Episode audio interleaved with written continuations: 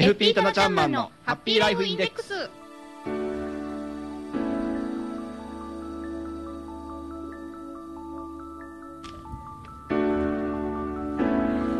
タナちゃんマンのハッピーライフインデックス。この時間はあなたの夢と未来をトータルサポートするライフサポート有限会社の提供でお送りします。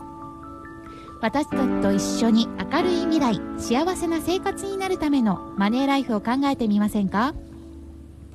この番組では皆さんからの疑問質問を受け付けています。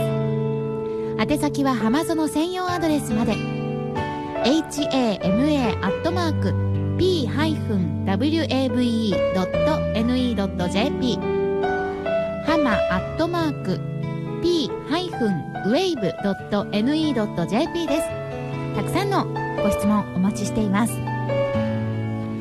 さあそれでは早速今日も一級ファイナンシャルプランニング技能士ライフサポート有限会社代表のタナちゃんマンをお呼びしましょう。タナちゃんマンはいこんにちは。棚橋です。今日もよろしくお願いします。こちらこそお願いいたします。もうねいつも笑顔がとっても癒されるそんなタナちゃんマンなんですけれども、ありがとうございます。はい早速今日のテーマを教えてください、はい、今日はですね確定申告がねもうすぐ始まりますのでね。そうですね。えー確定申告そんな時期ですね。の話題ではい。はい。住宅ローン減税についてね今日はお話をしていきたいと思います。住宅ローン減税。はい。はい。これは住宅を購入された方いつ購入された方対象とかそうでね。か？はい、えー住宅ローン減税はですね、はい。基本的には年末あのサラリーマンの方ですとねあの年末調整で行うことができるんですが住宅を購入された第1回目初めて住宅ローン減税を受けるっていう方はですね確定申告をしないと住宅ローン減税を受けることができませんので、今年の、えー確定申告では、はい。平成19年1月の1日から12月31日までに、はい。えー住宅を購入されて入居された方はえー今年のですね3月15日の確定申告終了までに確定申告をお済ませくださいということでお願いしたないと思いまるほどす。それをもし今回行くのを忘れてしまうと、はい。もうその減税そうですね。控除されないということ一応あの原則的には控除されないんですが、まあ、税務署さんで、ね、ご相談いただければいいと思うんですけれども、ええ。原則的にはもうされないというふうにしてしまあーじゃあついついう今までね。もありますね。えーはい。そういったことがなかったのでね。なんか行き忘れてしまいそうですがちサねラリーマンの方ってね。特にねあの確定申告で慣れていらっしゃらない方はい。多いと思いますのでね、あの去年住宅を購入された方はねあの必ず行っていただ,、行っていただきたいなと思いますね。はそれであのもう一点ですね。ええ、あの確定申告というとですね、えー2月の16日から毎年始まるんですけれども、はい。まあ、今年は2月の16日がね土曜日ですのであの受付が2月の18日から始まります。はい。カラスの3月15日までの1ヶ月なんですけれども、はい。この減税とかですね、その還付請求を受けるための確定申告というのはもうすでに始まっておりますんで、そうなんですね。はい、あの1月からも始まってるんですね。はい。ですので、あのー本当に確定申告締め切りギリギリですとね、混み合いますんで、そうなんです。できるだけ早くね、あの行かれた方がいいのかなと思いますね。うんうん。はい。別にギリギリに行こうと始まってすぐに行こうとね。なんか変わりはありませんで。のですね、空いてますのでね、まだね、税務署の方が。その時の方がこう税務署の方もね相談そうですね、空いてます。からね。時間かけて乗ってくれますからね。そうですはい、時間に、ね、余裕がありますからね。ははいい。ちなみに住宅ローン減税なんですけれども、はい。えーなんか新しい制度ができたと聞きましたが。そうですね。はい。あの、平成19年度にですね、平成19年中に、えー、マイホームを取得されて入居された方はですね、従来ですと、お住宅ローン減税、えー住宅ローンを購入されてから10年間控除を受けられるっていう制度なんですけれども、はい。えー19年中に入居された方は10年という従来からの制度とですね、えーそれとお入居から15年間、はい。えー控除を受けられるっていうのを選択することができるようになりま2した。種類。はい。はいこれはどういう違いがあるんですか？そうですね。はい。あの、従来からある、えー10年の方はですね、はいえー購入されてから1年目から6年目まではですね、住宅ローン残高の12月31日現在の住宅ローン残高の1%が、そして、えー7年目から10年目までの間が0.5%が所得税から控除されるというものなんですが、えー正しく、えー選択できる15年というのがですね、1年目から10年目まで、えーローン残高の0.6%が所得税から控除されて、11年目から15年目まではあ住宅ローン残高の、えー、0.4%が控除されるで、えー、期間が長くなったんですけれども控除される最大の金額っていうのがですね、えー、同じ金額で、えー、最大控除額は200万円。っていうところは同じですね、ただ毎年毎年たくさん控除される方を選ぶのか少しずつ控除される方を選ぶのかっていうことです。そうですねそういったところをあの選択していただくというふうに、合計金額控除金額は変わらない、ね、変わらないですね。はい、はい、ですとご自身のその、はい、所得だったり、はい、あとはそうです。納税額ですね、によってあのどちらを選んだ方がいいのかっていうことを選択された方がいいと思います、はい、なかなかそのどっちを選ぼうっていうのってご自身で計算しづらいそうですね。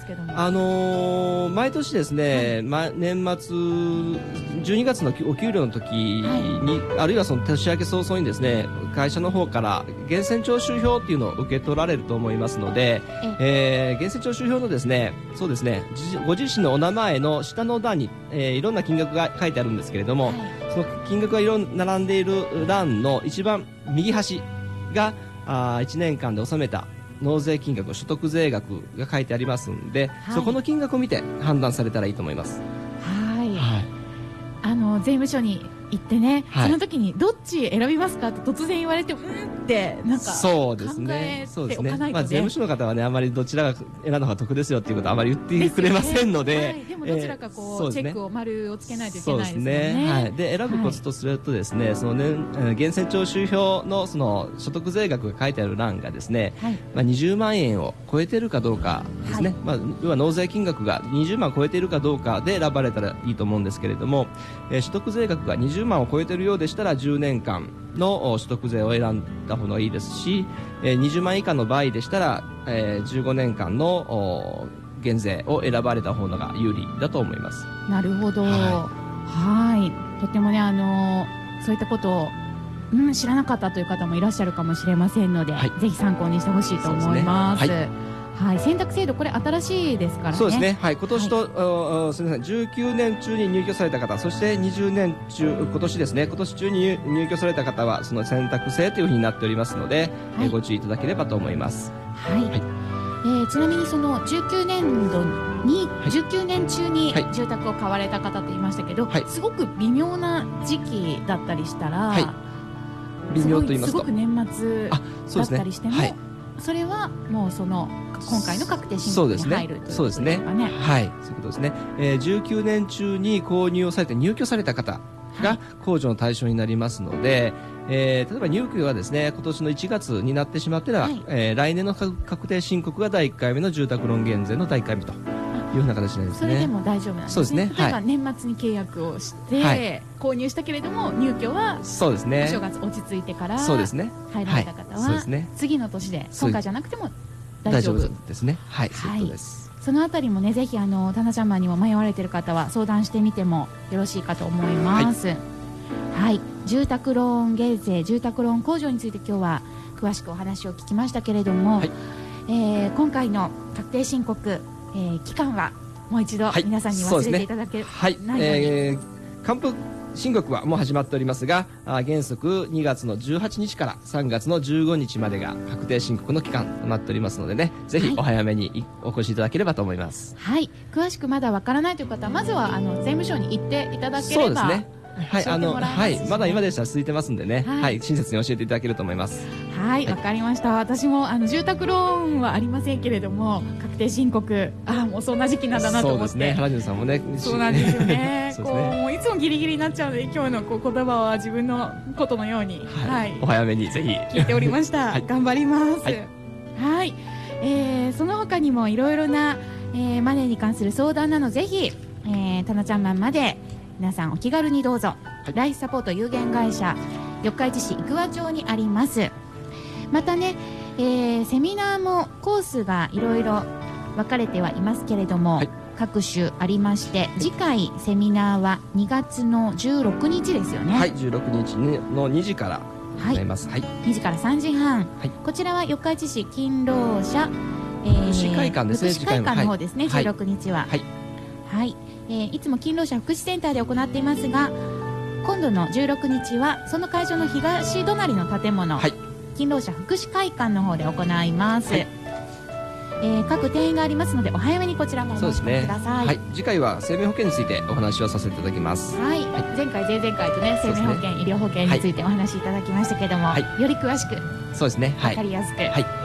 はい。大変好評ですのでお早めにどうぞ。はいはいそしてタナちゃんマンのホームページ、えーライフサポート有限会社のホームページもぜひ覗いてみてください。